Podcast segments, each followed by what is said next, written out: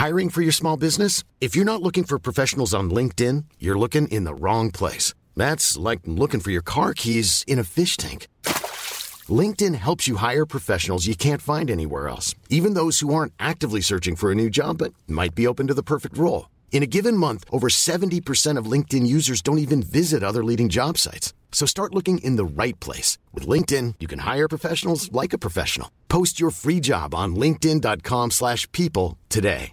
A lot can happen in the next three years. Like a chatbot may be your new best friend. But what won't change? Needing health insurance. United Healthcare Tri Term Medical Plans are available for these changing times. Underwritten by Golden Rule Insurance Company, they offer budget friendly, flexible coverage for people who are in between jobs or missed open enrollment. The plans last nearly three years in some states, with access to a nationwide network of doctors and hospitals. So, for whatever tomorrow brings, United Healthcare Tri Term Medical Plans may be for you. Learn more at uh1.com. Hey, it's Ryan Reynolds, and I'm here with Keith, co star of my upcoming film, If, only in theaters, May 17th. Do you want to tell people the big news? All right, I'll do. Sign up now and you'll get unlimited for $15 a month in six months of Paramount Plus Essential Plan on us. Mintmobile.com slash switch. Upfront payment of $45 equivalent to $15 per month. Unlimited over 40 gigabytes per month. Face lower speeds. Videos at 480p. Active Mint customers by 531.24 get six months of Paramount Plus Essential Plan. Auto renews after six months. Offer ends May 31st, 2024. Separate Paramount Plus registration required. Terms and conditions apply if rated PG. Vi är denna vecka sponsrade av Indie Beauty. Och Sofie, det här tycker jag är extra fint och extra roligt. Ja men Indie Beauty är ju ett skönhetsvarumärke som jag tror att väldigt många känner till, men det jag älskar mest det är att Indie Beauty liksom vill vara mer än bara produkter, vilket de ju också är. Exakt. Indie Beauty står ju för Independent Beauty, skönhet på dina villkor och för din egen skull. Och Indie Beauty tror ju stenhårt på ett alternativt skönhetsideal fritt från måsten, skam och känslor av otillräcklighet. Där är jag helt med Indie Beauty. Jag med. Det är så jag vill att skönhet ska vara. Ja men verkligen. Och vet du vad som är nytt för i år Sofie? Berätta. Från och med i år så skänker Indie Beauty 1% av sin försäljning till Suicide Zero, Tjejzonen och Djurens Rätt. Så när man handlar produkter från Indie Beauty så kan man liksom känna att man också ger tillbaka till samhället. Ja, kraften i tillsammans. Ska jag säga en sak nu då, mm. som jag, det, men det är detta jag är extra glad över. Nu har Indie Beauty tagit fram en keps och den tycker jag ändå så på sommaren, skydda sig från solen. Jättebra, jag älskar kepsen. Men det bästa, de bidrar till Suicide Zeros viktiga arbete för att minska antalet självmord och självmordsförsök.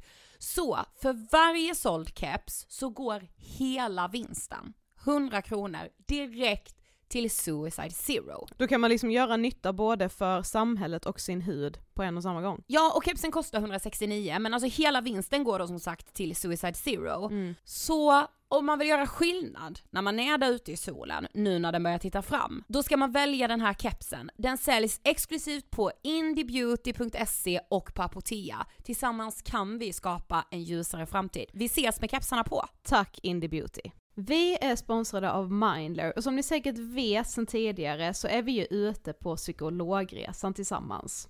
Men hur vet man egentligen när det är dags att söka hjälp? Ibland uppstår saker i livet som kommer utmana oss och kännas tufft. Det mesta självläker vi oss igenom, för vi är menade att ta oss igenom en viss mängd påfrestningar. Men ibland behöver man professionell hjälp för att ta sig ur jobbiga perioder i livet. Men vart går då gränsen? Vad är en del av livets skavighet och när är det läge att söka hjälp? Det sägs till exempel att stress är farligt, men att också kan vara bra. Alla sover dåligt ibland, så när har man egentligen sömnproblem? Ångesten kommer väl krypande för de flesta någon gång. Så när ska man se ångesten som outhärdlig? Hur vet jag? Med oss som psykolog har vi såklart min gamla psykolog Linnea Seidbrant. Men Linnea, vad är egentligen utmattningssyndrom? Utmattningssyndrom är en konsekvens av svår och långvarig stress utan möjlighet till återhämtning. Mm. Vi är ju då skapta för att klara av stress, men vi behöver också återhämtning. Om du utsätts för för mycket stress under en lång period utan att du får till den nödvändiga återhämtningen så kommer kroppen till slut att säga ifrån. Och det är faktiskt så att alla har en gräns. Du kan drabbas av en rad fysiska eller psykiska besvär som trötthet, sömnproblem, hjärtklappning, besvär från magen och tarmarna och mycket annat. Och det här är ju då varningssignaler och tecken på att du kan behöva göra någonting åt din situation. Annars så kan besvären utvecklas till att du mår så dåligt på sikt att du blir psykiskt och fysiskt utmattad. Ladda ner Mindler till din telefon och läs mer på mindler.se.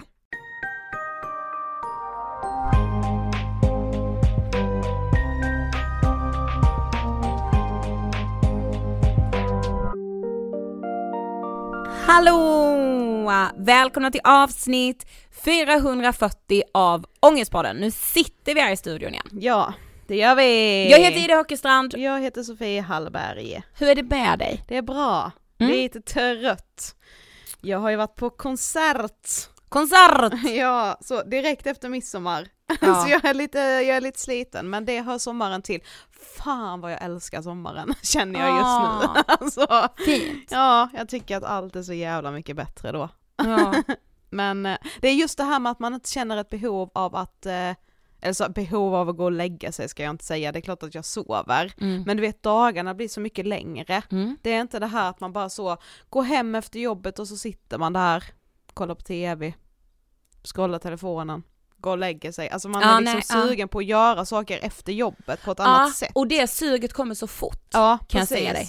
För jag har haft, alltså midsommar var alltså helt otroligt. Alltså du vet när man liksom har så 10 av 10 midsommar, vi Mm. hade ju det. Mm. Alltså tack för allt Mm. verkligen. Eh, men sen har jag haft nu två dagar när du har varit iväg, där jag har varit så, men då jobbar jag ju hemma liksom. Jag, ja gud vad skönt och bara så, inte sminka sig, var i pyjamas hela dagen. Mm. Gud, nej, Nej. hatar det. Mm. Och speciellt på sommaren, sånt sug efter att göra saker. Mm. Alltså verkligen, och det Ja. är ju också härligt. Alltså, ja men så. och jag fattar egentligen inte vad det är, alltså vad det är för gnista man tappar på hösten och vintern sen, för alltså då, jag är ju inte sugen på att göra saker efter jobbet, då vill jag ju typ bara hem. Ja. Det är mörkret. Ja men jo men det är det ju såklart. Men Och- det är jobb, man, man borde ändå så försöka göra mer saker. Men man behöver ju det. Vadå? Ja men man behöver ju det, göra saker. Ja. Det är det jag menar, att så här, hjärnan behöver, jag älskar liksom att hjärnan får så mycket stimulans för att det, man gör så mycket typ. Ja men också det är ju att man träffar mycket mer vänner och det mår man ju liksom bra av. Mm, mm, skjuts får Mm. man av det, Precis. så att säga. Energi. På tal om skjuts och energi, det fick jag av veckans gäst. Verkligen jag också. För idag gästas vi av Frida Lund. Ja, Och Frida Lund för mig är ju liksom himmelriket när det kommer till recept och mat och Mm. Gottiga saker. ja alltså så matinspiratörernas matinspiratör. Ja men va- alltså då ring matinspiratörernas matinspiratör. Men också, Frida alltså, blir jag blir så jävla imponerad och inspirerad av just det här att liksom vara venimportör. Ah. Alltså det är, det är något så sexigt med det, alltså jag känner bara att någon gång i mitt liv måste jag också bli det. jag vet inte hur det ska gå till men det ska hända. Eller typ så brygga lite öl själv. Fatta Men vet också vad, vad jag tänker kring Frida? Nej. Att hon inte försöker vara så inspirerande, äh, Nej. och så bara, men hon bara är det. Mm, Alltså det är ju goals Mm. på ett sätt. verkligen. Eh, och ni har ju säkert liksom sett Fridas alla otroliga recept flasha förbi på Instagram om ni inte följer henne. Men mitt råd är ju verkligen att göra det, hon heter understreck Frida Lund. Yes. Men vi kommer ju idag inte bara prata mat. Nej, vi pratar ju bland annat om eh, Fridas egen relation till mat eh, Och kropp. och kroppen och ätstörningar. Men framför allt så är vi ju i förlossningsdepression idag. Precis, finally. Ja, verkligen. För, för vi har fått så mycket önskemål från er och era önskemål är vår lag. Eh, och Frida pratar också på det bästa av sätt. Mm, Så här, nej men alla sätt att prata om det är såklart bra, mm. men jag menar bara att det får vara så filterlöst och liksom ärligt, för det är ju skitigt och jobbigt Ja och och som vi säger i avsnittet, alltså det är nog, för kvinnor tror jag det kan vara en av de mest skamfyllda liksom 100%. ångestsjukdomarna man Mm. kan hamna i. För att alltså känna att man inte älskar sitt barn och att man inte vill ha det, Mm. det måste vara bland det svåraste att säga, även till sina nära. Ja, alltså såklart för att så, för att förväntan på att du ska så dö av kärlek ja är och, så stor. och säg att man då, eh, liksom, ponera att man kanske har tre nära vänner och alla de har redan fått barn Mm. och inte upplevt det här med att man inte vill ha barnet. Eh, jag förstår ju också om det blir svårt för dem att så, åh vi förstår vad du känner, för de Mm. är uppe i sitt eget, alltså säg att man är ett gäng där alla får barn ganska tätt. Mm. Eh, alltså det måste vara så svårt. Verkligen, verkligen. Eh, men som Frida också säger, det är så himla viktigt att ändå försöka våga för att alltså någonstans måste man ju våga lita på att vännerna man har valt att ha i sitt liv kommer vilja förstå en, även om de inte kan relatera så vill de förstå och hjälpa till. Exakt. Eh, och att våga vi- visa sig sårbar och eh, ja, Ja men och hur viktigt det är att bemöta någon som gör det Mm. med så 100% kärlek och respekt mm, liksom. verkligen. Vi rullar intervjun med Frida Lund. Varsågoda! Hej Frida och varmt välkommen till Ångestpodden! Tack! Jag är så peppad, alltså jag var så peppig i morse för att du skulle komma till podden. Är det sant? Vadå Ja. ni har koll på mig? Ja, Mm. Ja, snälla. Haft länge. Alltså det känns liksom så som att jag har lagat din mat liksom. Nej, gulligt. Åh, vad roligt. Men jag var ju såhär, innan jag kom hit, jag bara shit, alltså ska man ha ångest? Alltså ska jag framkalla ångest eller hur liksom, kommer ni få mig att få ångest? Hur kommer det bli? Det får vi se Ja, så att säga. precis. Det är inte svårt att locka fram om man säger så. Nej, Nej. den är ju rätt närvarande. Ja. Så. Men för de som inte vet, vem är du? Eh, Jag eh, är en person som befinner mig på internet en del. Jag eh, håller på med Instagram, jag bloggar på L, jag har en podd som heter Allt som är och sen så är jag numera vinimportör eh, och eh, skriver lite böcker och sånt där typ. Mm. Vinimportör, jag tycker det låter så, det låter coolt. Jag vet! Ja. Ja. Jag håller med. Alltså jag har varit så himla så här. jag har haft så svårt och just när jag får den frågan så är jag Ja. typ, när folk säger ja du har skrivit någon bok, jag bara ja jag har typ skrivit ut sidor, eh, jag har skrivit ord på datorn och skrivit ut, det är ingen grej, köp inte den, förlåt att det finns. Vet, så här, skämt och tyckte att det är så pinsamt för man inte vill vara en person Vem som bara är jag som jag är författare?" Ja. nej, nej. Eh, Men det här ja. med, med liksom vinimportör känner jag bara så här, jag är det. Ja. Och det är så jävla coolt. Det är så jävla Mm. coolt Ja det är ja. fan otroligt. Vilken titel! Ja. Alltså verkligen så. VD för Vinhagernas vinhandel, hallå! Ja, alltså, wow. Alltså, Dröm. ja. Eh, vad tänker du på när du hör ordet ångest? Eh, mitt liv? Nej men jo men jag gör det, alltså jag har, jätte, jag har mycket ångest. Ja. Eh, det är liksom, eller kanske inte mitt liv, jag tänker nog på typ ordet kanske närvarande eller sådär. Mm. Men, men det var alltså när vi liksom så skulle podda, fick veta att vi liksom skulle podda med dig och du vet så, då var det så här, men jag vill prata med, om så mycket saker med Mm. Frida. Alltså jag var så här, gud nu vill jag vara i så mycket. och, och kände liksom, var börjar vi? Jag vill gräva i din ångest, jag vill prata mat, jag vill prata kropp, alltså du vet Mm. allt så. Men eh, alltså såklart också om din nya bok Den bästa veckan. Mm. Eh, men vad skulle du säga om ångest och ditt liv då? Alltså så här, har den alltid varit närvarande? Är ångest någonting som du alltid har haft med dig? Ja, jag skulle nog säga det. Jag, jag Ja. kan komma ihåg eh, som barn att jag hade ångest, men in, då kanske man inte kunde definiera det som det. Men att liksom vara typ ett oroligt barn. Ja, åh gud, jag. Mm. Ja, eh, men, och det har liksom alltid hängt med och jag tycker typ på senare år att jag har fattat att att livet typ inte är att vara lycklig. Att det är snarare stunder. Det låter så jävla deppigt men Ja, det men- känns också så här, men det är ju så. Ja. Det är ju så här bevisat att lycka inte är en av våra grundkänslor som vi går runt med hela tiden utan att den kommer i rus. Men jag tror alltid att jag har strävat för att vi människor strävar efter att vara så här, bli lycklig. Ja. Eh, Slutdestination, lycka. Ja, Alltså. och jag bara, jag är inte en lycklig människa. Jag, har, alltså jag kan få såna jävla highs, alltså där jag bara pju, pju, pju, jag vet, går på liksom rus som håller i sig från en timme till två dagar, men du vet så här. Men min grundkänsla är ju inte lycka. Eh, men min grundkänsla är inte heller ångest, men den, den finns med där också. Mm. Eh, och kan komma pang Mm. på en sekund. Men du drabbades av ätstörningar i högstadiet. Mm. Minns du liksom hur allt det där började? Mm. Eh, jag minns det för att det var en kille som eh, sa att jag hade tjock rumpa när vi var och spelade basket. Alltså fy fan, varför är det alltid så? Alltså ni vet. Ja, Mm. jag vet. jag hade liksom vita jeans och orangea trosor under, jag gick i sexan. Eh, och jag brydde mig inte för jag hade aldrig sett min kropp som en typ en, alltså att folk skulle åskåda den. den Nej, hade nej. bara Mm. varit med mig typ i livet. Eh, och så sa han eh, att han tyckte att jag hade tjock rumpa. Man bara, hade du inte kunnat sagt det nu, 2023? Mm. Eh, Nej men, eh, och då gick jag hem och typ så här kollade på mig själv och bara, men jag kanske borde banta. Eh, och så började jag göra det och det var alldeles för lätt för mig att bara typ sluta äta. Och då rasade jag i vikt.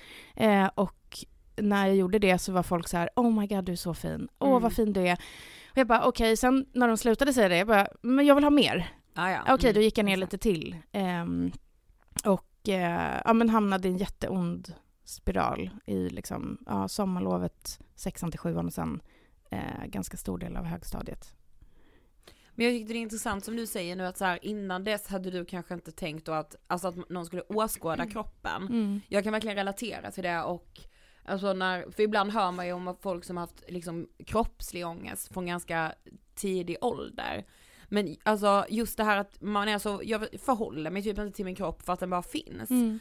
Alltså vad hade du innan det här för relation till mat och alltså ä, att äta och liksom? Alltså helt eh, supersund. Mm. Eh, jag var väl liksom ganska kräsen, men det hade ingenting med typ att jag, jag var rädd att bli tjock, utan mer typ såhär, jag gillar inte lök. Alltså du vet såhär, Ja. jag äter inte morötter. Den, men vi åt liksom, mamma lagade klassisk så här, det var leverbiff, det var blodpudding, alltså det var de här liksom husmansrätterna. Eh, och, så jag är liksom uppvuxen med jättegod mat. Men jag tror att jag hittade liksom ett sätt, om man då också är en person, det var ju inte liksom att han sa de där orden, eh, det var, måste bara varit en språngbräda som kanske Mm. ändå hade kommit senare. Men jag tror att det var då ett sätt för mig, för jag har ADHD och fick diagnos bara för typ ett halvår sedan eller vad det är. Mm. Eh, och har alltid haft den här... eh, Ja, men jag har alltid letat så här, vad är det för fel på mig? Hur ska jag kunna ta kontroll på vad det är? Och maten blev en sån sak där jag bestämde och kunde kontrollera. Mm. Så att det var ganska skönt för mig att hitta så här, någonting i livet där min hjärna inte rusade iväg utan där jag var den som typ bestämde. Mm. Eh, och det är jättehemskt att det blev eh, ätstörningar. Mm. Men här, jag, jag blev inte heller så pass sjuk att jag behövde läggas in och sånt där. Nej, Nej. för liksom sökte du ändå någon hjälp för det? Fick du liksom, eller var det mer så, alltså fick du en diagnos som var typ så anorexi eller Mm. liksom? Mina kompisar hörde av sig till skolsyster och till mamma. Eh, och mamma bestämde att vi skulle äta middag tillsammans varje dag. Det var så här, man kommer inte undan det. Man sitter vid köksbordet och man Ja. äter middag. För jag kunde ju gå upp så på morgonen och typ låtsas, du vet, så här, smula ner och sen Mm. slänga mackan så att de skulle bara “Varför har du inte torkat upp?” Ja. Mm. Ehm, och, eh, så det var väl liksom i kontakt med skolsköterskan och sånt. Men Mm. Men vad fint av dina Ja fy kompisar. fan vad fina mm, kompisar. ja, jag hatade dem ju. Ja, Eh, såklart. Eh, Ja. Men eh, älskar dem ju. Och Ja. det sjuka var, alltså man blir ju också så här, på riktigt dum i huvudet när man inte äter. Ja. Och man är typ så här, går i åttan och är lite typ Ja, ofärdig. man är redan Mm. lite dum i huvudet. Ja, alltså hjärnan bara hallå? Eh, nej men och min bästa kompis hon tog, tog ett snack med mig eh, typ när jag började bli lite bättre men så halkade fram och tillbaka in i det där. Hon bara, eh, jag har pratat med eh, fritidsledarna på skolan, eh, för jag käkade aldrig lunch utan jag typ tog en promenad eller någonting. Hon bara, om du inte börjar äta lunch i matsalen på skolan då kommer de ropa ut i högtalarna att Frida inte äter. Och jag bara, va? Är det sant? Hon bara, ja det är sant. Jag bara, aha. Alltså så här, hallå? Jag... Så hon bara, du måste gå med mig varje dag och äta, annars kommer folk få veta. Jag bara, aha, okej, då gör jag det. Här, Vad jävla bra dum. ändå att man var lite Ja, verkligen. Men det är ändå så en otrolig lögn. Alltså, Ja, ändå så- verkligen. Hon bara, men det här är väl rimligt? Verkligen. kanske var så och köpte det. Ja, shout out Martina, otrolig vän. Eh, så det var liksom, jag är väldigt, väldigt glad att jag inte halkade djupare ner än vad jag Mm. gjorde.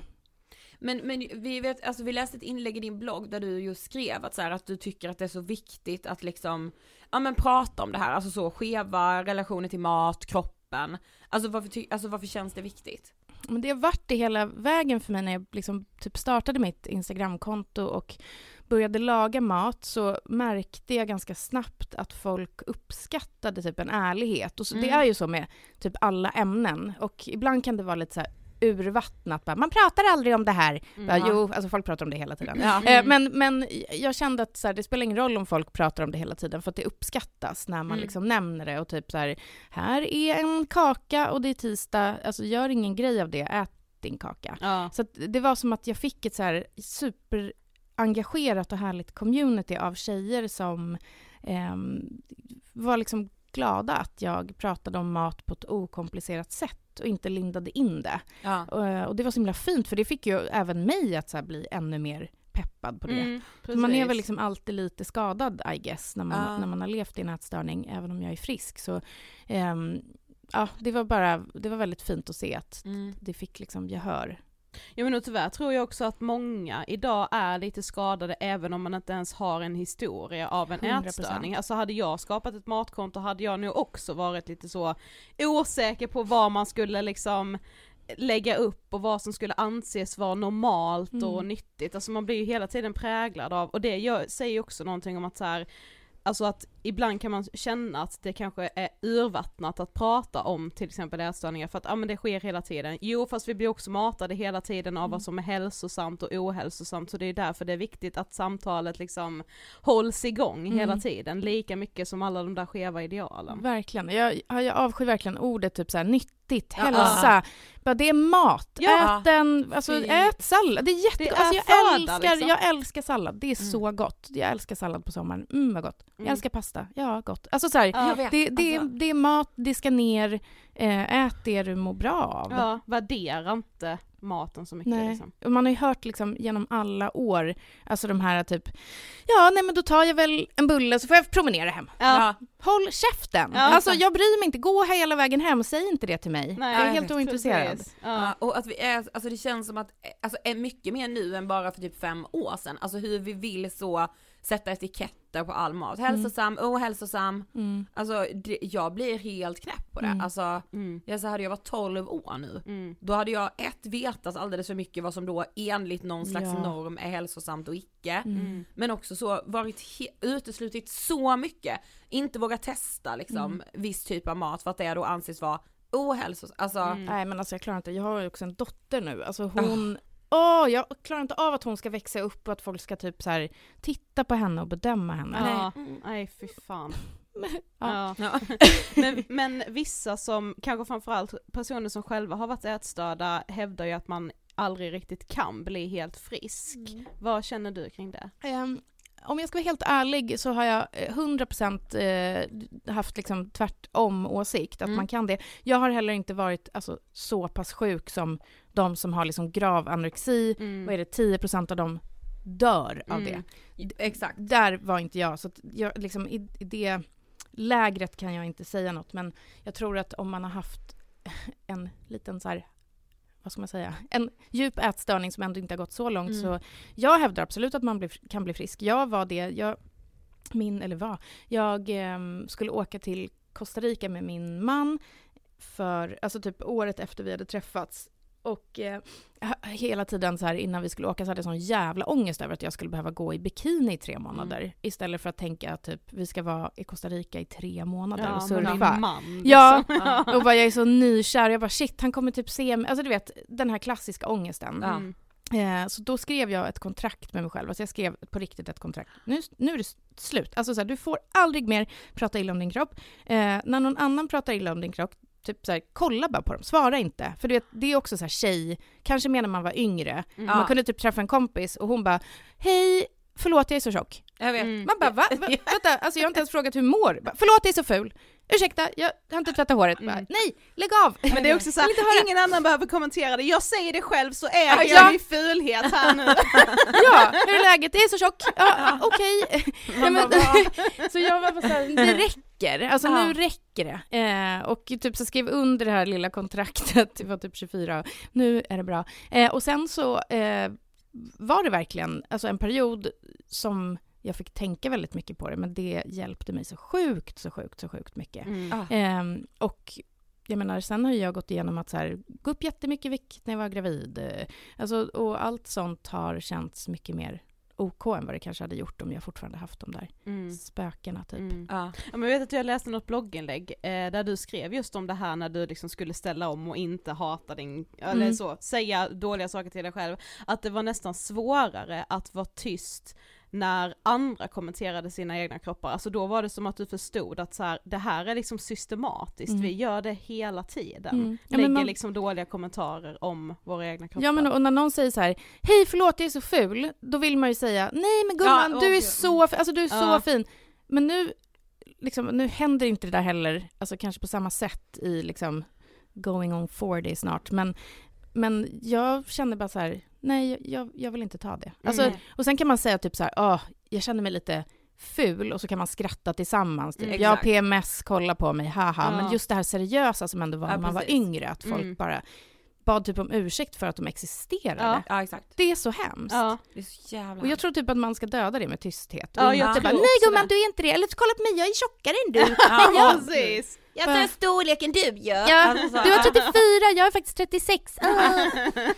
ja. Oh my god. Ja.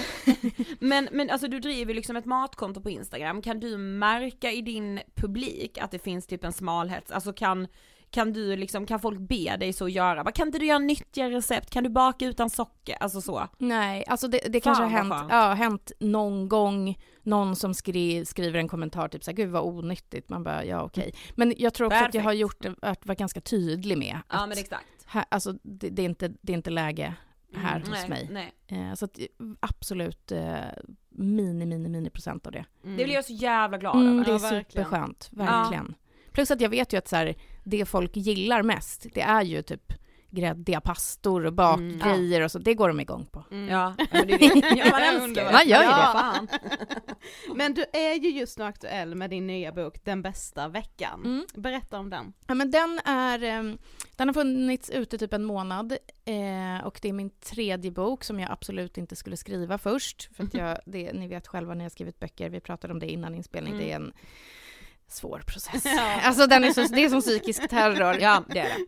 Ja. Jag, efter varje bok jag bara, nej, ring inte mig igen nu, förlaget. Ehm, men jag kom på att jag ville skriva en bok som var typ en, en helt vanlig vecka. Det var min plan. Eh, Mm. Måndag till söndag. Frukost, lunch, middag, doody-doody-doo. Mm. Så jag hade liksom börjat fila på det. Eh, förlaget hade bjudit ut mig på någon lyxig lunch och bara skar runt det. Jag bara, nej men jag vet inte. Och sen så kom den här idén till mig. Eh, och det här var i, alltså jag var typ i vecka 39 med min dotter. Jag hade precis gått in som delägare i ett bolag. Eh, jag hade precis köpt en matstudio och startat ett AB med en kompis. Alltså det var, det var så mycket. Eh, och jag skulle föda typ imorgon. Och jag bara, nej men vänta, jag kan skriva en bok. Nej, jag kan göra det här. För ingenting ska förändras. Jag ska jobba lika mycket. Jag ska liksom göra allt som jag ska. Jag ska bara ha ett barn och det kommer vara lugnt typ. Mm. Ehm, och sen kom min dotter och eh, jag blev jättesjuk i förlossningsdepression. Eh, och det fanns liksom inte i mig att typ tänka på en vanlig vecka, för de vanliga veckorna var så jävla deppiga. Mm. Eh, så att jag liksom, när jag började komma ur det så kände jag att jag vill göra den bästa veckan. Alltså jag vill ha en mysig, rolig vecka. Sen kanske man inte kan leva efter den bästa veckan helt och hållet. eh, men man kan ju plocka godbitar ur den. Mm. Eh, men så idén gick från någonting till att liksom levla upp lite grann. Mm. Mm. Fint. Mm. Så du var liksom i, alltså, du var så sent ändå i graviditeten, och bara så, jo men nu, alltså så här, Mm. Ja, och så är man så, jo men allt ska, jag kör på, alltså. Ja, och jag skulle bara vara föräldraledig i fyra månader, min man skulle ta resten, eller han, jag var bara föräldraledig i fyra månader, men jag var ju inte det. Alltså jag Nej. typ så här, postade ett samarbete på Instagram två dagar efter jag kom hem från BB, eh, Mm. målade om i matstudion, drog in kund, alltså det var så jävla mycket jobb. Ja. Mm. Eh, och jag bara så, nej men det är inget konstigt, man har två barn, det är ingen grej. Och så här, vi hade vår stora son hemma i tre månader för RS. Det var bara Just så det. jävla mycket. Mm. Och så mådde jag piss på det. Mm.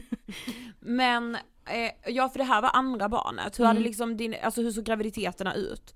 Mm, nej men de, eh, med, först, med Florens, min stora, så ehm, alltså vi hade också försökt få barn i typ tre år när han kom. Jag hade fått missfall, det var massa liksom jobbiga grejer innan. Så jag var väldigt, väldigt rädd i graviditeten med honom. Jag vågade typ inte ens gå i trappor för jag trodde att han skulle ramla ut. Ja. Ehm, och kräktes fram till förlossning. Ja, men jag var ett vrak. Mm. Ehm, men jag blev jättekär i honom när han kom. Alltså jag Mm. fick de här som folk pratar om som inte alls är sanna för de flesta. Mm. Men det är bara, jag skälldes över av liksom kärlek. Ehm, och graviditeten med Donna då, min lilla, eh, var helt annorlunda för att jag tränade och ehm, rörde på mig och liksom var inte lika rädd Mm. att det skulle gå fel typ. Och jag höll på med så här hypnobirthing eh, och hade dola och så Mm. försökte underlätta för mig själv att det skulle Mm. bli en lite smooth ride. Mm. Ehm, men eh, sen blev det kejsarsnitt ändå. Men jag hade en jättefin förlossning med henne och det hade jag Mm. inte med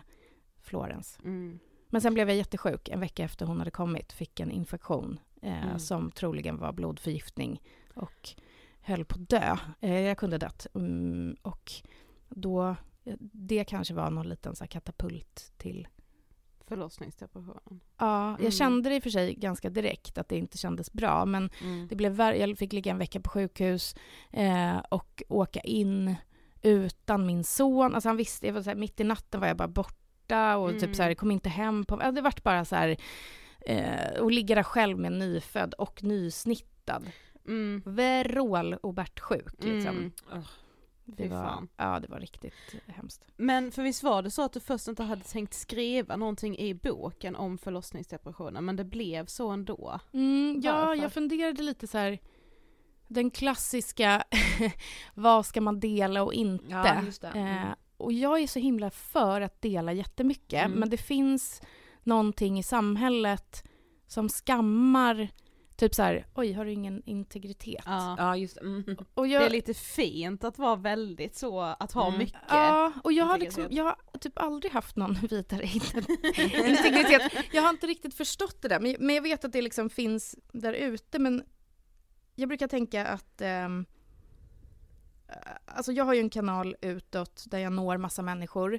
Eh, och de, de allra flesta gångerna när jag delar saker som har varit tunga så är det eh, ett gehör och liksom folk som känner sig stärkta av det eller känner sig inte ensamma eller det är fler som börjar prata. Och jag kände och- att det var jätteviktigt att göra det Mm. faktiskt. Here's a cool fact a crocodile can't stick out its tongue. Another cool fact you can get short term health insurance for a month or just under a year in some states.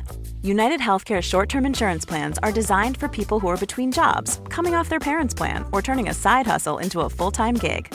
Underwritten by Golden Rule Insurance Company, they offer flexible, budget friendly coverage with access to a nationwide network of doctors and hospitals. Get more cool facts about United Healthcare short term plans at uh1.com.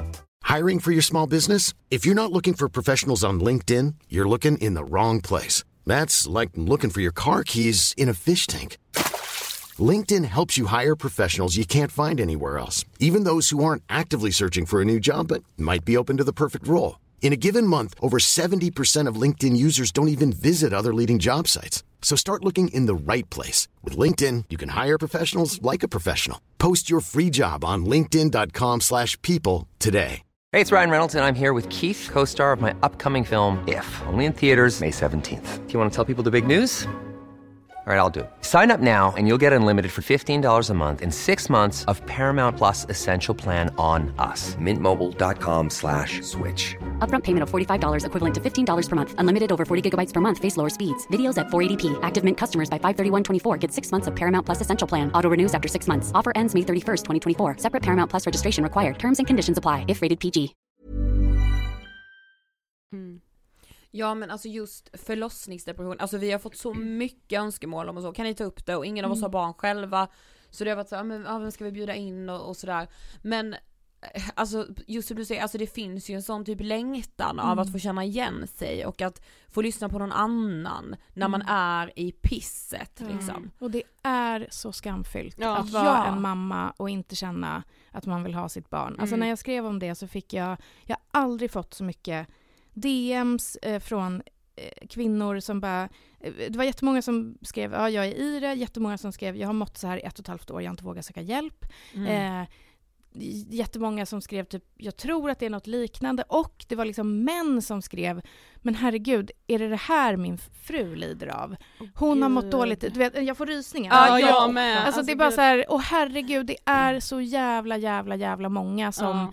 kanske inte, eller man ska inte heller säga, det kanske inte är så jävla jävla många, men de som lider av förlossningsdepression, ehm, många av dem tror inte jag vågar eh, säga någonting om det. Nej. Exakt. För det, man ska ju känna den här brinnande kärleken Mm. till sitt barn. Jag tror det typ är en av de mest skam, alltså skamfyllda ångestpuckarna man Mm. kan ha, att Mm. inte vilja ha sitt barn liksom.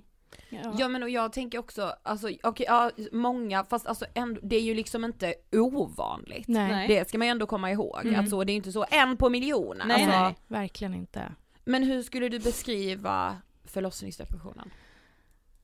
Som den mörkaste... Nej men eh, det... Jag... jag ehm, det är fortfarande typ... Jag vet inte om jag så helt har bearbetat det. Mm. Eh, men en plats där liksom... För jag har inte haft depression innan. Jag liksom kan kanske vara lite depressiv i liksom korta stunder. Men det var bara en plats av att det kändes som att jag var på fel... Alltså jag ville fly, min kropp... Eh, det kändes som det typ kliade innanför kroppen. Jag hör inte hemma här. Ehm, jag minns att jag satt och fikade med en kompis eh, själv utan barn och efter typ en timme när hon skulle gå så kände jag så här Tänk om jag bara tar tunnelbanan, tänk om jag bara åker nu. Om jag bara åker så långt bort jag kan. Alltså jag kan åka i flera dagar bara jag slipper gå hem. Eh, för att det var så jobbigt. Och eh, jag var hela tiden så här till min man, bara, vad fan har vi gjort? Varför har vi gjort det här? Varför har vi skaffat ett till barn? Eh, jag klarar inte av det. Jag klarade inte liksom knappt av när hon skrek. Det, det, jag fick liksom fysiska reaktioner. Jag blev jätte så här, typ skakis och orolig och ehm, det bara kändes fel. Mm. Jag kan inte förstå att vi gjort det här mot oss själva. Vi hade det så bra Mm. och nu är det så jobbigt. Mm. Eh, och sen var jag kanske inte heller helt ärlig mot min man och mina liksom nära och kära under tiden. Eh, men han eh, tog ju typ... Alltså jag ammade henne och sånt där eh, och sov med henne och liksom var gullig mot henne. Men han tog varje kväll i fyra månaders tid, alltså varje, det var inte en enda kväll han inte stod med henne i sjalen och gungade Mm. henne så att jag kunde gå och lägga mig klockan åtta, försöka typ sova eller ligga där inne och gråta eh, och han bara körde. Mm. Ehm, och det var nog för att jag liksom eh, sa, kanske inte helt, men lite hur det var. Mm. Ehm, men ja, det, det är svårt att förklara hur... Ja, jag vet inte. Jag, bara, jag ville liksom inte, ville inte ha henne. Och Mm. det är så sjukt att tänka på det nu, för jag är så Mm. besatt av den där lilla tjejen. Så att, eh, och hon är så fin. Och det, det var faktiskt, när jag skrev om det på bloggen så var det en som kommenterade typ så här, hur kan du skriva det här? Tänk att hon kommer läsa det när hon blir stor. Eh, fruktansvärt av dig att dela. Alltså hon vart jätteupprörd. Eh, och jag känner typ att det här kommer vara så viktigt för mig att dela med henne. Såklart. För att jag vet inte, det kanske är ärftligt om hon väljer och kan få barn någon Precis. gång eller så här. Det har ingenting med hur vår relation ser ut idag och jag är glad att det liksom inte höll på mer än typ fem sex månader innan jag Mm. sökte hjälp. Mm. Så att, Men vi läste ett, eh, ett, ett väldigt starkt inlägg i din blogg där du skrev om, alltså när du redan blev gravid med Donna, att eh, liksom redan i graviditeten så kände du att liksom det blev någon slags separation mellan Mm. dig och Florens, Mm. alltså din eh, son. Eh, kan du utveckla det, alltså hur var den här separationskänslan? Ja, alltså jag tror kanske att så här, jag kanske började bli lite deppig redan i Ja, graviditeten precis. eh, utan att jag riktigt förstod det. Eh, men jag förstod inte hur... Alltså för mig var det så här, jag kommer behöva göra slut med min son Mm. för att jag kommer vara helt upptagen av ett annat barn. Eh, och hur fan kan jag göra så mot honom? Alltså, Mm. vi har det så mysigt vi tre. Intellektuellt förstår jag att få ett syskon kan vara en kris och sen kommer det vara svinmysigt. Mm. Men för mig var det så här, vår relation kommer att ändras. Jag klarar inte av det. Hur fan Mm. ska det gå? Han kommer liksom, han kommer bli så sårad. Eh, och min liksom värsta typ grej i livet är när folk är ledsna. Alltså jag vill Mm. aldrig att någon ska vara ledsen. Eh, och tanken på att han skulle behöva mig och jag inte skulle kunna ge honom tiden, alltså det tog sönder mig. Mm. Eh, och det, det blev ju att vi var tvungna att liksom göra slut på vår relation som vi hade och sen skapa en ny. Ja. Och den relationen är underbar. Och, alltså den, den, har liksom, den är inte på något sätt sämre, den är bättre. Mm. Men, men det kunde inte jag veta. Nej, Eh, och, och jag är en person som tänker väldigt mycket. Mm. Alltså en tanke börjar, sen bara... Hmm, hmm, hmm. Ja. Okej, då rullar vi det här till den största snöbollen som liksom någon har sett. Mm. Ehm, och ja, jag vet inte. Det var, det var bara lite, lite kris. Och jag visste liksom inte, så här, vill jag ha fler barn? Jag har inga syskon. Eh, det gick skitbra för mig på jobbet. Hur ska jag göra? Jag jobbar liksom lite grann som influencer. Kommer jag bli bortglömd? Kan jag så här checka ut? Nej, det går inte. Alltså hela den där Ja. grejen, vilket jag absolut hade kunnat göra. Mm. Men jag var väldigt stressad över det. Det Mm. kändes som förmodligen många kvinnor känner att det är fel tid. Men Ja. det finns ingen rätt tid. Nej precis, Exakt. för när är det rätt? Nej, men det är liksom, inte man kommer ju rätt. alltid vara orolig för att man ska bli bortglömd Ja, liksom. och vi lever liksom i ett samhälle som inte är uppbyggt för att två personer ska jobba heltid egentligen. Mm. Eller liksom eh, mamman ska ta jättemycket liksom av ledigheten och den här gången, även om jag inte hade drabbats av det där, så var vi hade kommit överens om att jag är ledig första liksom, fyra månaderna, sen tar du resten. Eh, du får bara göra det för alla eh, kv- vet det, kvinnor som har gjort det för deras män som har egna företag. Han bara fuck, ja jag får göra det. Jag gör det, bara göra. nej men, det är eh, ingen mening att nej, nej, nej, nej, nej, nej, det är bara, det är bara att göra. Ja. Ehm, och det, det har ju liksom funkat eh, jättebra, men, men eh, ja. Mm.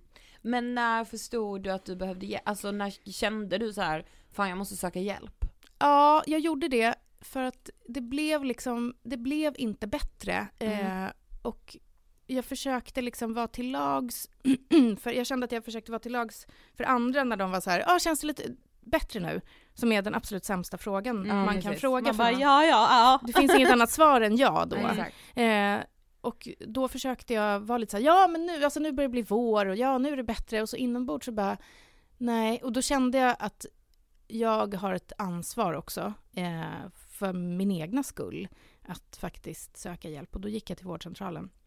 Eh, och träffade en så här, nyexad snubbe, typ i min ålder. Jag bara, Jaha, okej, vad ska han säga nu då? Eh, alltså vad vet han? Och då var, liksom, berättade jag bara, jag är deprimerad, liksom, jag mår jättedåligt och jag vill ha antidepp. Eh, jag har hört att det är bra. Och han bara, okej, ja, jag, jag hör dig typ, men vad, vad han sa, en av tio kvinnor i Sverige äter antidepp. Mm. Jag skulle verkligen vilja att du testar att gå till en psykolog innan. Eh, Oj vad bra! Ja, Mm. jag bara, men jag ska ju bara ta ett piller så är det bra. Han bara, mm, du får liksom ta två månader, gå till en psykolog. Eh, är det inte bättre, då kommer du tillbaka. Ja. Ja, okej. Så då gjorde jag det. Eh, och då var det som att direkt när jag berättade för henne så sa hon, du har förlossningsdepression.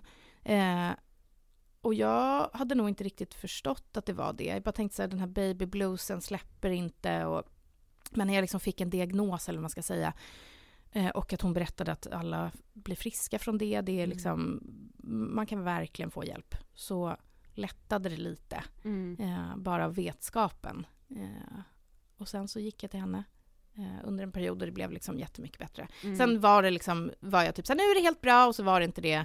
Men sen har jag gått i terapi under typ hela hösten, alltså allt sånt. Så nu är det liksom, Mm. jag är fri från förlossningsdepression. Men du hade liksom inte så googlat själv och typ någonstans anat eller varit orolig för att det var förlossningsdepression? Jo, eh, men det var, det var också så här, vissa kriterier då som jag kände så här, nej men det här är inte, typ, jag är inte suicidal eller jag är Nej, inte mm. liksom, eh, men absolut Google-historiken var grov under den här perioden. Ja, den blir ju lätt det. Bara, liksom. Förlossningsdepression plus lite glad ibland. Ja. Plus bara, oh, okej. Ja. Men orkar ändå ja, exakt. Går det kombinera jobb och förlossning? Ja, har, har tränat, mådde bra, blev deppig igen på kvällen. Google bara, gå bort från mig. Man kämpar på där liksom. Ja, verkligen. Men, men vad skulle du säga, alltså var hjälpsamt för dig, alltså utöver professionell hjälp? Mm, det jag tror verkligen är hjälpsamt som jag är otroligt, otroligt dålig på, det är att liksom, våga söka stöd hos sina nära och kära. Det är så viktigt och alltså så många av mina kompisar har varit så här typ varför pratade du inte bara med oss? Alltså det kändes som att du och så känner man, men jag vill inte liksom lägga över massa börda och skit. Eh, men jag skulle verkligen säga typ så här, kroka arm med din bästa vän. Den personen kommer inte tycka att du är jobbig. Alltså det är det finaste, att få ett förtroende är ju otroligt. Mm, Ja. det är det Mm. som är vänskap. Det är liksom. det som är vänskap. Och så här, Mm. liksom, var inte rädd för att visa dig svag. Bara pratar jag med mig själv nu.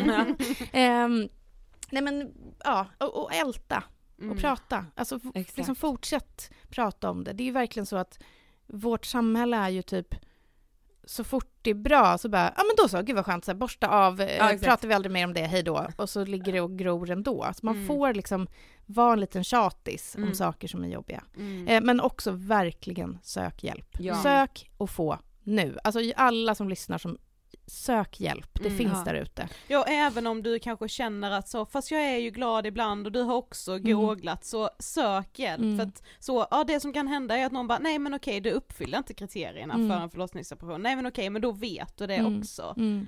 Men räckte det att eh, alltså prata med en psykolog eller fick du antidepp också? Nej, jag fick inte antidepp. Eh, och det är jag väl liksom glad för, för jag behövde ju uppenbarligen inte det. Eh, eller jag kanske hade behövt det, men jag, det var liksom ganska skönt för mig att gå in i det 100 procent. Jag har verkligen så grottat i mig själv Mm. under hösten i terapi eh, och liksom samtidigt gjort den här ADHD-utredningen. Det Ja. har varit en, eh, ja, ett, ett eh, gräv Mm. Mm. inom mig. Ja men hur kom det sig att du började med eh, ADHD-utredning? Ja, det, jag har tänkt på det jättelänge, i många år. Eller så min mamma var typ i tonåren, bara, ska du inte göra en... Jag bara, jag är ingen, jag är ingen jävla dampunge. Ja. Eh, bara, jag är verkligen en dampunge. eh, men det var också skillnad på så här, på den tiden. Mm. Jag är ganska glad att jag inte fick diagnos då. För att Mm, ehm, liksom, killarna i min skola som hade det, de var verkligen, nu gör jag liksom situationstecken, de var verkligen dampungar. Ja, ja. Gick Mm, i en himla specialklass. stämpel, liksom. Ja, och jag vet inte om jag hade hamnat i liksom, någonting där jag tror annorlunda om mig själv. Mm. Eh, men med då två barn eh, så ha, kände jag att alltså jag, jag får inte ihop det. Mm. Och jag har hela tiden, hela livet haft strategier för att typ lösa saker. Eh, Anders, min fantastiska man, har typ alltid krattat väldigt mycket för mig utan att fatta att han har gjort det. Mm. Eh, och sen kom det liksom, blev vi en till i ekvationen och plötsligt så är det bara total kaos. Ehm, så att då bestämde jag mig för att göra den här Mm. utredningen. Mm. Tyckte du det var skönt att få diagnosen? Både och. eh, Mm. eh, em, initialt jätteskönt. Eh, nu när det har gått, eh, vad är det nu, åtta månader eller något sånt där, så känner jag mer att det är en process. Mm. Eh, det är liksom... Många pratar ju om ADHD som så här, alla får det, alla får en diagnos, alla...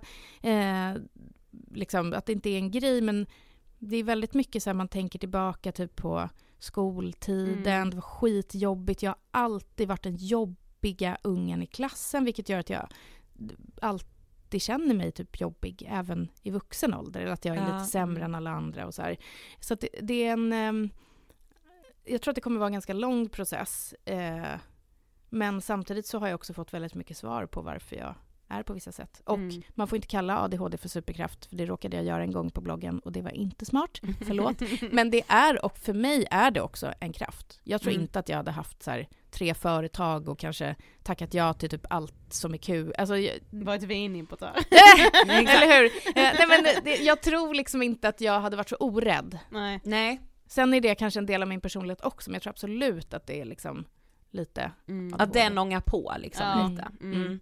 Ja, men, ja men det är fan intressant för den diskussionen pågår ju ständigt, speciellt så om man jobbar med de här frågorna som vi gör, Mm. alltså så här, diagnosjakt och alltså hitan och ditan och men, men någonstans så i varje enskilt fall att få diagnosen, Mm. det är ju liksom inte bara så ah nu fick du också den, ah sålla dig till det gänget, alltså, Nej, alltså så det är en blir det ju inte. gedigen utredning. Exakt. Alltså, oh my god, man sitter där och snackar och snackar. Exakt. Och, snackar. Mm. och sen att så här, många typ i den världen jag figurerar i har ADHD, Ja. nej, men det är inte så konstigt. För Nej. att vi, d- dit har man rört sig. Man Mm. älskar uppmärksamhet, man Exakt. älskar att stå i centrum, man älskar att starta nya grejer. Och sen med kvinnor så får väldigt många av kvinnorna diagnos i vuxen ålder. Mm. För att man har inte riktigt vetat vad det är. Det är inte liksom som grabbarna som skriker liksom fitta i klassrummet, Exakt. utan det, det, det ter sig på ett annat sätt. Mm. Typ självskadebeteende, ätstörningar och Mm. så.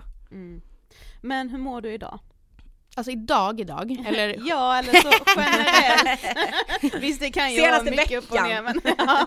Eh, men jag är på en bra plats i min cykel och jag lever väldigt mycket efter min menscykel. Ja. Det, är liksom, det är liksom ägglossningsveckan, jag satt på tunnelbanan på väg in och bara vill jag ligga med den, den, Ja. den, den, den, ja. Exakt. Eh, Ja, ja, man är ju, Nej men alltså jag blir, ja, alltså Mm. hade jag varit singel, och herregud, hjälp. Vilken tunnelbaneresa det var. alltså, verkligen.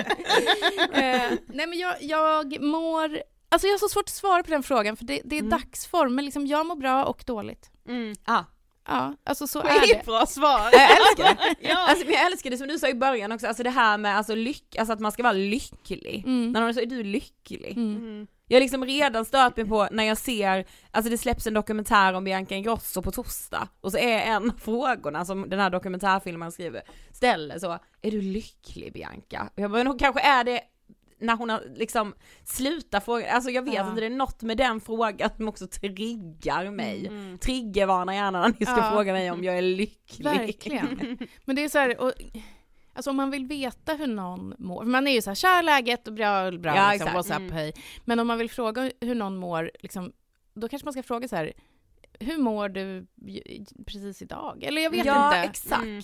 Men det är ju så himla, jag tycker verkligen det är en svår fråga. Mm. Ja. För att om man säger så här, jag mår jättebra, och sen kan jag gå härifrån om två timmar kan jag känna så här, fan livet är jävla jobbigt. Alltså det är så här, ja, ja, ja, alltså. Man är ju skör. det svajar. Ja, Ja. precis. Men jag är så också, alltså jag kan bli så orolig för unga som växer upp idag för att det Mm. känns som att Alltså bilden man får är att man ska vara lycklig Mm. alltså hela tiden och om man inte är det då är det något fel. Mm. Om man är så, men alltså vi säger alltid så, men livet är ju två plus generellt. Alltså, Ja. Mm. Verkligen, Mm. Det- exakt. alltså Ja, är man inte lycklig så ska man vara pepp på att bli lycklig. Mm. Ja, man, nej, jag är inte pepp heller idag alltså. Nej, man kan bara få vara Ja. liksom. Precis. Alltså, och jag tänker mycket, alltså den pressen som är idag.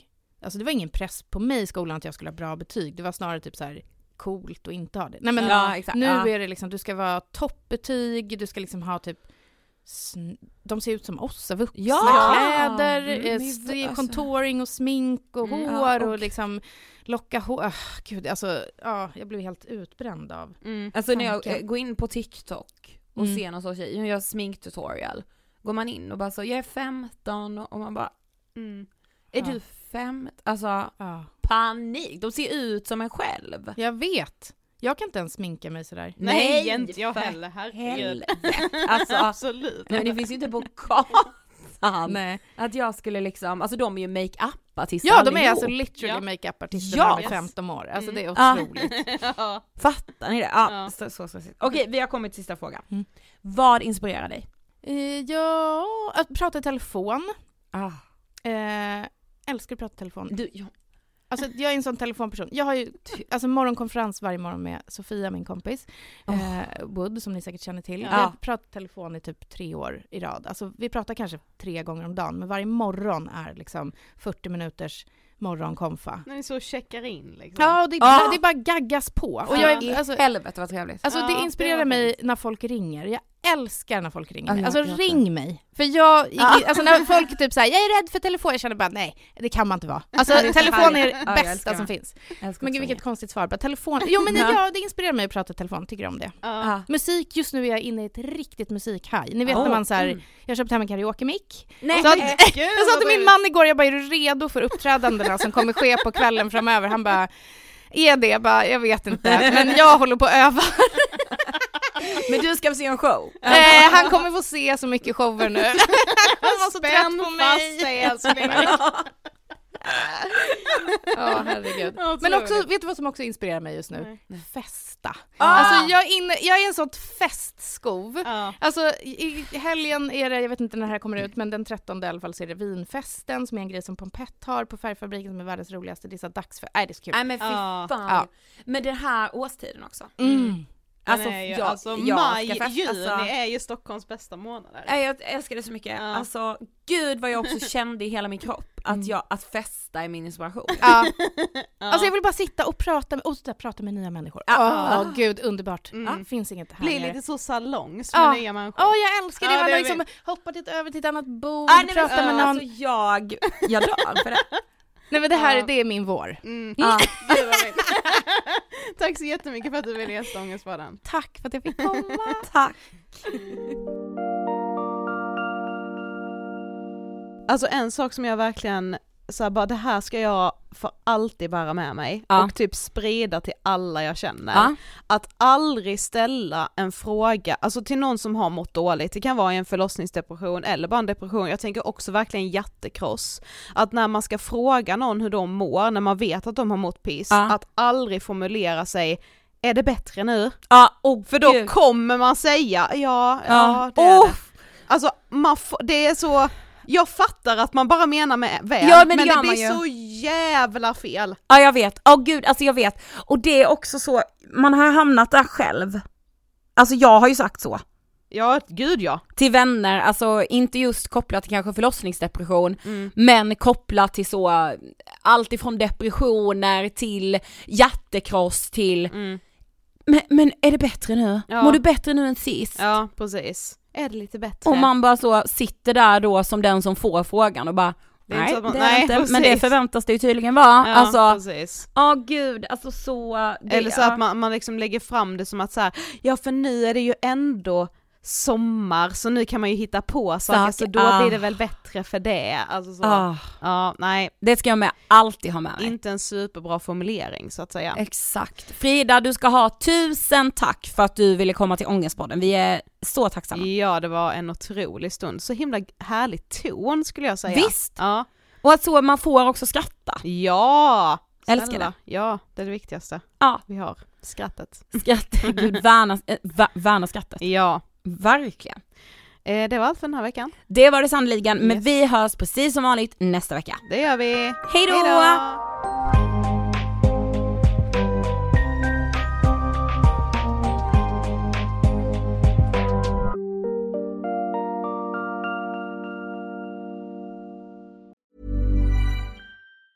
Planning for your next trip? Elevate your travel style with Quince. Quince has all the jet setting essentials you'll want for your next getaway, like European linen, premium luggage options, buttery soft Italian leather bags, and so much more. And is all priced at 50 to 80% less than similar brands. Plus, Quince only works with factories that use safe and ethical manufacturing practices. Pack your bags with high-quality essentials you'll be wearing for vacations to come with Quince. Go to quince.com slash pack for free shipping and 365-day returns. Imagine the softest sheets you've ever felt. Now imagine them getting even softer over time. That's what you'll feel with Bowl and Branch's organic cotton sheets. In a recent customer survey, 96% replied that Bowl and Branch sheets get softer with every wash. Start getting your best night's sleep in these sheets that get softer and softer for years to come. Try their sheets with a 30-night guarantee. Plus, get 15% off your first order at bowlandbranch.com. Code BUTTERY. Exclusions apply. See site for details.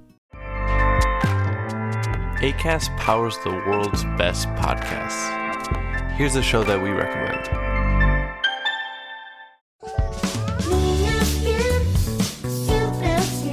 Hi, I'm Ando, And I'm Fer. and we host Niñas Bien podcast. We want to invite you to listen to our show. Niñas Bien means good girls in Spanish, but you have to know that this is not a podcast for good girls. Or for girls at all. It is a comedy podcast, so everyone is welcome to listen. We talk about sex, relationships, technology, We recommend movies and TV shows and discuss pop culture in general. and there is Chisme Ajeno too. a section we have just to gossip about everyone. So you'll find something you like here. And you'll practice your Spanish. The cleanest Spanish you'll find, we promise.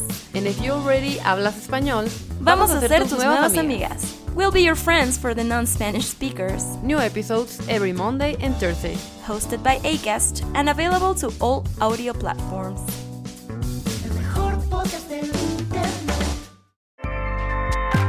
ACAST helps creators launch, grow, and monetize their podcasts everywhere.